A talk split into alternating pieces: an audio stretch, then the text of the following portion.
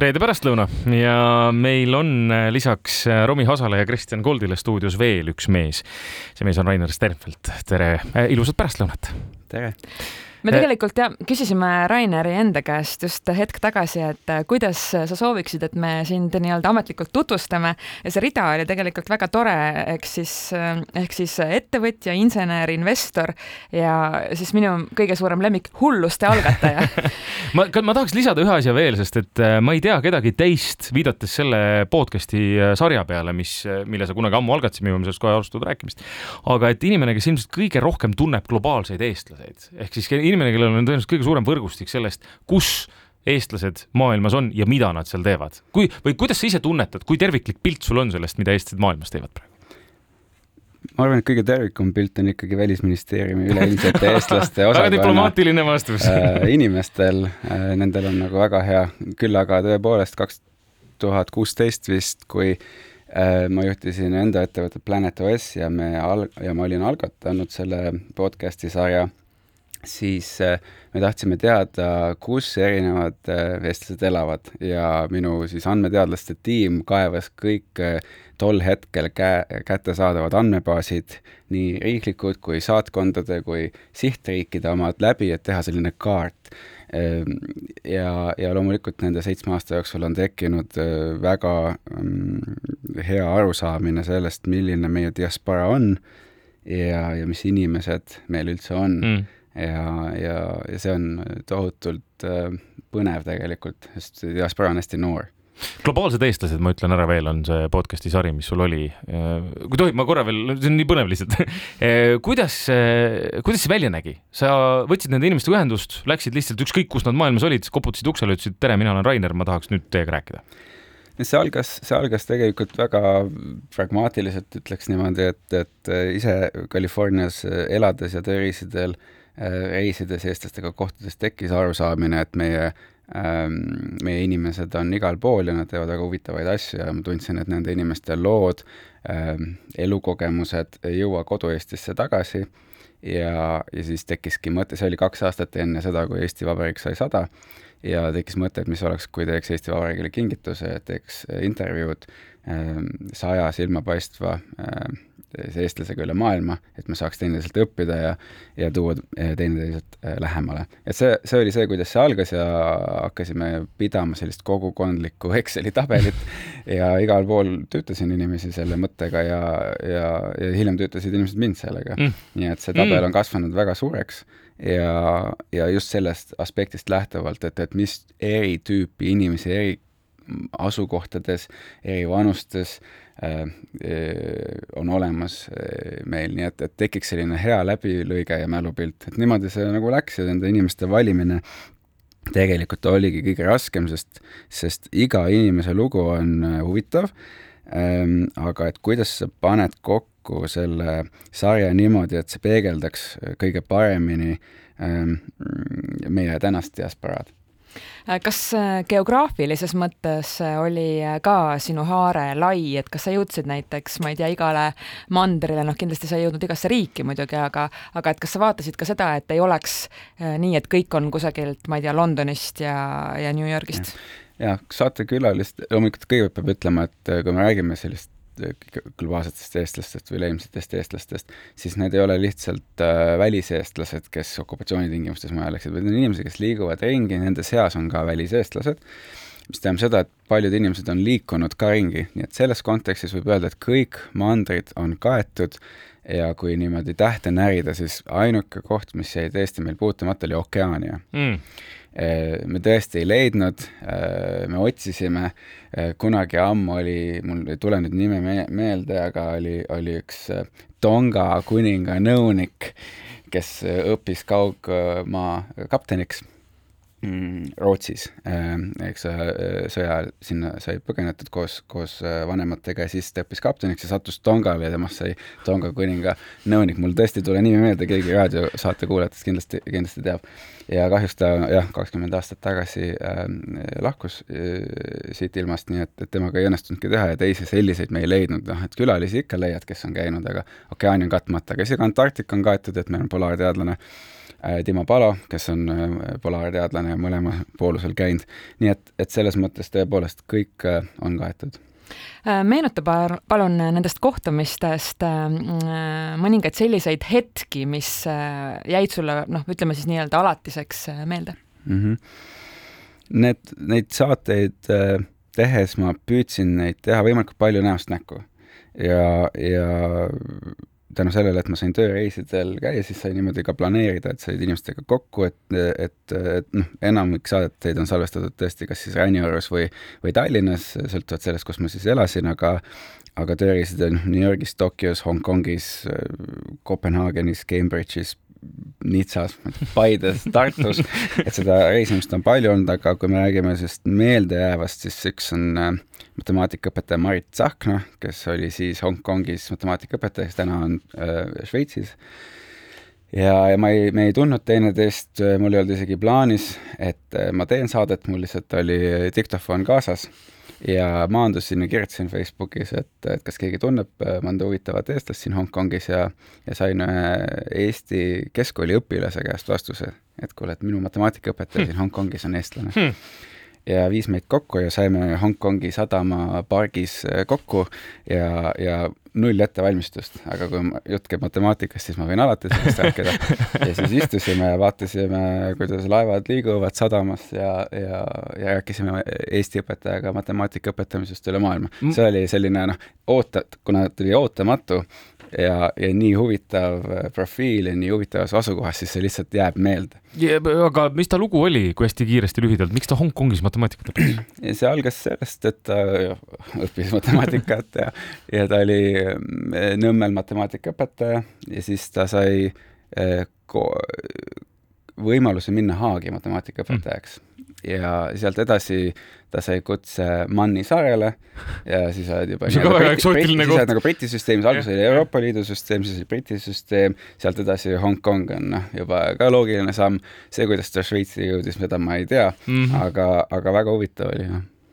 aga kui see sari on nüüd äh, nii-öelda pidulikult siis valmis mõnes mõttes, kui sa plaanisid teha sada lugu ja need on nüüd olemas, kas sul on natukene nagu selline äh, tühi tunne või selline sisemine, ma ei tea, arengukriis ka, et see on ikkagi kuidagi nii suur osa sinu elust olnud, et kuidas see nüüd siis järsku lõpeb ja need huvitavad inimesed, neid on ju äh, ikkagi veel ja, ja rohkem, et? Just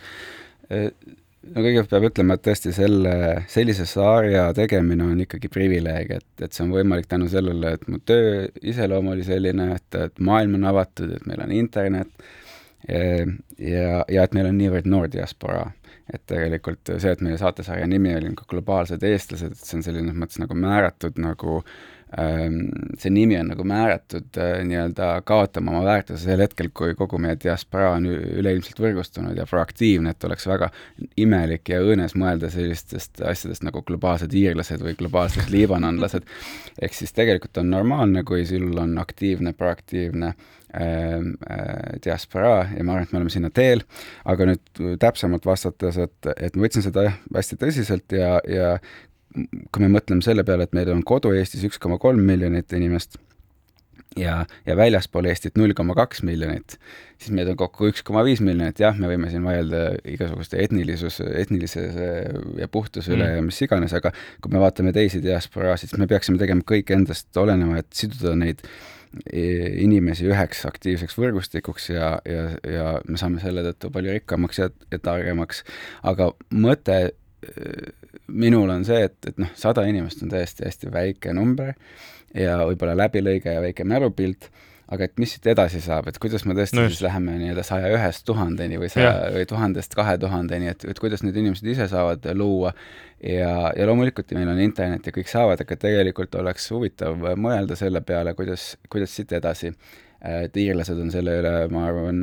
kõige rohkem mõelnud ja kõige paremini ka seda nii-öelda edasi viinud. aga see on omamoodi nagu oksümoroon, et, et mõelda, et mis on edukas äh, diaspora, see niiviisi mõeldes me kaugele nagu ei jõua. et pigem vaadata seda, kui aktiivne, aktiivsed me oleme ja noh, ma ütleks, et äh, eestlased ikkagi on maailmameistrid koduigatsuses ja see on üks asi, mis meid nagu ühendab, et, et ükskõik kus maailma punktis äh, ma olen ka käinud, igaüks ikka ajab Eesti asja tegelikult. tahab musta musta leiba ikka taha ühel hetkel jälle lauale. ja sauna. ja sauna, jah. ma tean ka, arvestades, kui sa oled saja inimesega rääkinud üle maailma, ma arvan ka inimesed, kes kuulavad meid praegu, mõtlevad, et jah, pagan, et ma tahaks ju ka olla võib-olla noh, ma ei tea, edukus on see sõna või, või ma ei kujuta ette, mis see on. et kas nendel, nendel inimestel kõigil, kellega sa oled rääkinud, ka sa ise, kas sa nende vestluste käigus oled avastanud, et seal on mingi üks iseloomujoon või, või seal on mingi asi, mis paneb need inimesed liikuma, mis paneb need inimesed kuidagi teistmoodi tegutsema? Mm,? no tegelikult peab ütlema, et, et need sada inimest ei ole ju kõik mingid tuntud mm -hmm. edukad inimesed traditsioonilises mõistes, me kõik oleme edukad, Eesti on erakordselt edukas olnud, me oleme hästi enesekriitilised ja me, me ise ka ei usu tegelikult, et me oleme midagi saavutanud, eks see tuleb meie ajaloo, ajaloolisest taustast. et tegelikult on eestlased selles mõttes huvitav äh, äh, nii-öelda kuidagi grupp inimesi, kui võtame maailmas ja teised väikerahvad samuti, et et kui sul on vähe inimesi ja ütleme, võrdlemisi palju maad selle rahvaarvu kohta, sest meil on ju kaksteist korda vähem inimesi kui Hollandis, aga pindala on sama, eh, siis meil kõigil on hästi palju rolle et me kõik istume piltlikult nii-öelda kümnel toolil, teeme erinevaid asju, sest meil on väga suur spekter oskuseid, mida suurriikide rahvastel, inimestel tavaliselt ei ole, et sa oled hästi spetsialiseerunud ja siis me oleme hüperspetsialiseeruvas maailmas Eh, samal ajal osates erinevaid asju teha. ja miks ma sellest räägin, on see, et, et, et, et kohtud nende inimestega, siis nad on eestlased edasi seal teises kohas. et nad teevad nagu sadat asja edasi, kuigi nad võiksid olla mingi vasakukäeliste kalameeste ühingu mingi esinaine ja, ja ongi korras, eks ole, ja ikka on miljon inimest koos. no et, et selles mõttes me oleme ikkagi hästi-hästi uudishimulikud ja ma ütlen, et diaspora on meil uus ja noor ja me alles ehitame seda. Rainer, me siin intervjuu päris alguses, kui me loetlesime neid sinu erinevaid rolle, mainisime ka seda hulluste algataja oma, kas Jõhvi koodikooli asutamine läheb või kvalifitseerub ka hulluseks? ma ei tea, mina ei ole õige inimene, kes seda, seda peaks vastama, aga aga no see on üks nendest asjadest, mis on oluline minu jaoks, et kasvataksime oma konkurentsivõimet läbi uute oskuste ja programmeerimine ei ole mingisugune erakordne oskus, seda võib elu lõpuni lihvida ja parandada ja see on elementaarne oskus lugemise ja kirjutamise kõrval kahekümne esimesel sajandil. no kui sina ütled, et matemaatika on sinu armastus, et sa võid tunde rääkida matemaatikast, minul on vastupidi, ma ei oska sellest mitte midagi rääkida. olles humanitaartaustaga, matemaatika on kohutavalt raske minu jaoks olnud ja nüüd ajal, kui noh, mulle tundub, et meedias ja ka ühiskonnas üldiselt on ikkagi surve selles suunas, et noh, arvestades, kui palju meie elu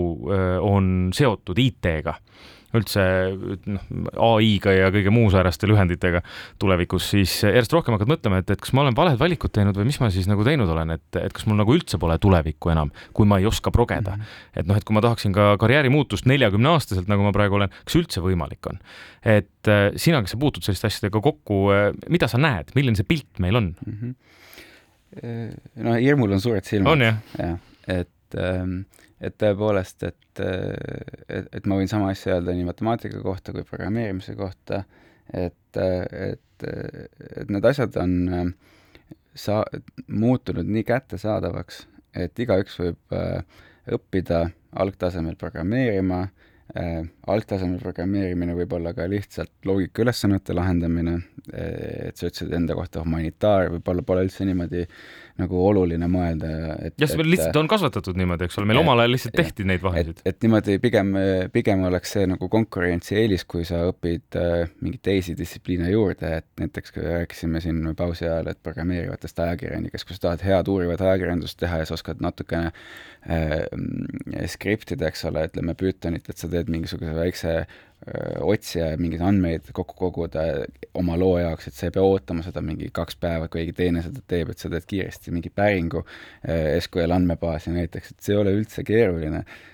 vanasti oli ka, kui ütleme mingi, ma ei tea, kolmkümmend aastat tagasi öeldi, et töötab arvutiga mm, -hmm. et siis nagu üks tema põhitöö oligi arvutiga töötamine, teised seisid järjekorras, eks ole, nüüd me kõik töötame arvutiga, et see on kõik selline natukene nagu Äh, müstifitseeritud ja inimesed kardavad kõiki asju, mis on natuke nagu võõras, et tegelikult noh, ei ole üldse midagi vaja et ei pea kõrgemat matemaatikat oskama selleks, et alustada nii-öelda algtasemel programmeerimisega? pigem on tegemist loogikaga, loovusega ja uudishimuga probleeme lahendada ja, ja alles hiljem, sõltuvalt, mis probleeme lahendad, siis matemaatikast on kasu loomulikult, aga, aga me ei räägi nagu diferentsiaalvõrrandite lahendamisest, kui sa hakkad progema kohe lihtsalt nagu plokki. aga kas meil on vaja nii palju programmeerijaid? absoluutselt, Eestis on täna puudu üle, üle kümne tuhande IT-spetsialisti erineval tasemel ja, ja, ja sa ei pea tegelikult ka programmeerijaks hakkama, kui sa oskad äh, algtasemel programmeerida, see on hästi oluline oskus, et mõista, kuidas tänapäevane tarkvararendus ja tootearendus ja teenusearendus äh, üldse käib, äh, sealjuures ka meil on terve rida ettevõtteid, kelle tippjuhtkondades on inimesi, kes väga palju võidaksid sellest tegelikult, kui nad teaksid natuke lähemalt, kuidas tarkvararendus välja näeb see teeks nende otsuseid paremaks, nad, see teeks neid äh, paremateks värbajateks, see teeks neid paremateks ettevõtjateks. nii et see on kõik selline universaalne oskus, et ma tahaksin nagu demüstifitseerida seda, et, et kui me, et me, et, et kogu see selline pilt, äh, patsiga poisid progevad seal ja mängivad tuumi, noh tõesti, me ei ole aastas üheksakümmend kolm. aga sa mainisid neid äh, tippjuhte ettevõtetes, kes võiksid mõista rohkem seda IT-maailma, siis kuidas seda tekitada, ega ei saa ju öelda mingisugusele juhatuse esimehele, et kuule, et mine õpi natuke juurde. tegelikult eh, nad küsivad ise. et, eh, et meil on tegelikult juba üks eh, tippjuhtkond käinud kolmepäevasel koolitusel, et CodeJõhvi on välja arendanud ka sellise tippjuhtkonna koolituse formaadi nimega DevSprint, mida te kõik saaksite läbida, et kui ettevõtjad kuulavad, siis tegelikult kui varem meil oli see, et et ütleme, et me tahtsime, et meil et, et tippjuhtkonna soov oli see, et, et neil on head keskastme juhid ja projektijuhid, et inimesed teavad, kuidas ressurssi juhtida, inimesi juhtida, projekte juhtida ja see oli nii-öelda selline ülevalt alla soov, siis nüüd on nagu vastupidi, et, et ütleme, et insenerid, tootejuhid, turundajad, need kõik tegelikult väga tahaks, et tippjuhtkond ka mõistaks ja selline alt üles liikumine on pigem see, kuidas me uusi ärimudeleid ka ehitame ja see, see on konkurentsieelise noh, abc. no kui kood Jõhvisse kõik Eesti inimesed ilmselt ei pääse lihtsalt või ei mahu, siis äh, kuidas sa näed, kas Eestis piisavalt äh, meie kõrgkoolid, meie, ma ei tea, erinevad äh, ka ettevõtted, kes IT-ga on seotud, kas nad pakuvad piisavalt võimalusi inimestele, ma ei tea, koolituste ja muu säärase jaoks? Jaa, ei loomulikult selles mõttes, et kes soovib, saab igalt poolt, et sa et neid on igal pool? jaa, absoluutselt, et, et ütleme, et noh, meie fookus on ikkagi täiskasvanud töötavad professionaalid, kes tahaksid täiend- või ümberõpet Eh, et kas siis oma olemasoleval töökohal saada paremaks või siis tõesti vahetada, vahetada oma elukutset, eks ole, et meil on, meil on nagu kõiki neid ja meie keskmine vanus on täna kakskümmend kaheksa, väga suur rõhk on ümberõppijatel ja, ja kui täna meil on viissada inimest kahes vastuvõtus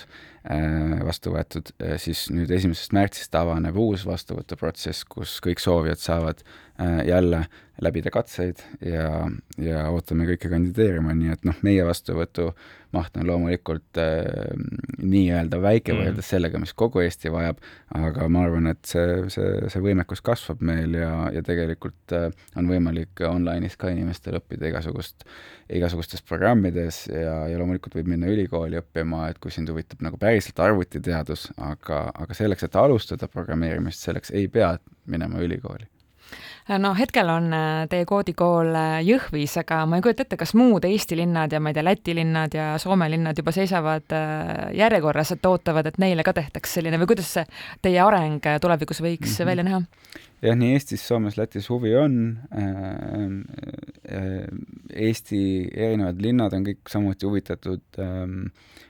noh, Eesti on nii väike, et ütleme, et me võime küll öelda, et on kood Jõhvi aga vastuvõtt ei ole ainult Jõhvi mm -hmm, inimestel, vastuvõtt on üle-eestiline ja, ja eelmise aasta vastuvõtus oli meil viiekümne kolme erineva rahvuse esindajad paljud küll on Eestis noh, hetkel nagu ka, ka elavad, eks ole, kuigi ka tuli väljast ja, ja palju oli ukrainlasi, me tegime eraldi sellise programmi, et saaks neid, nendele pakkuda võimalust. aga tõepoolest, et,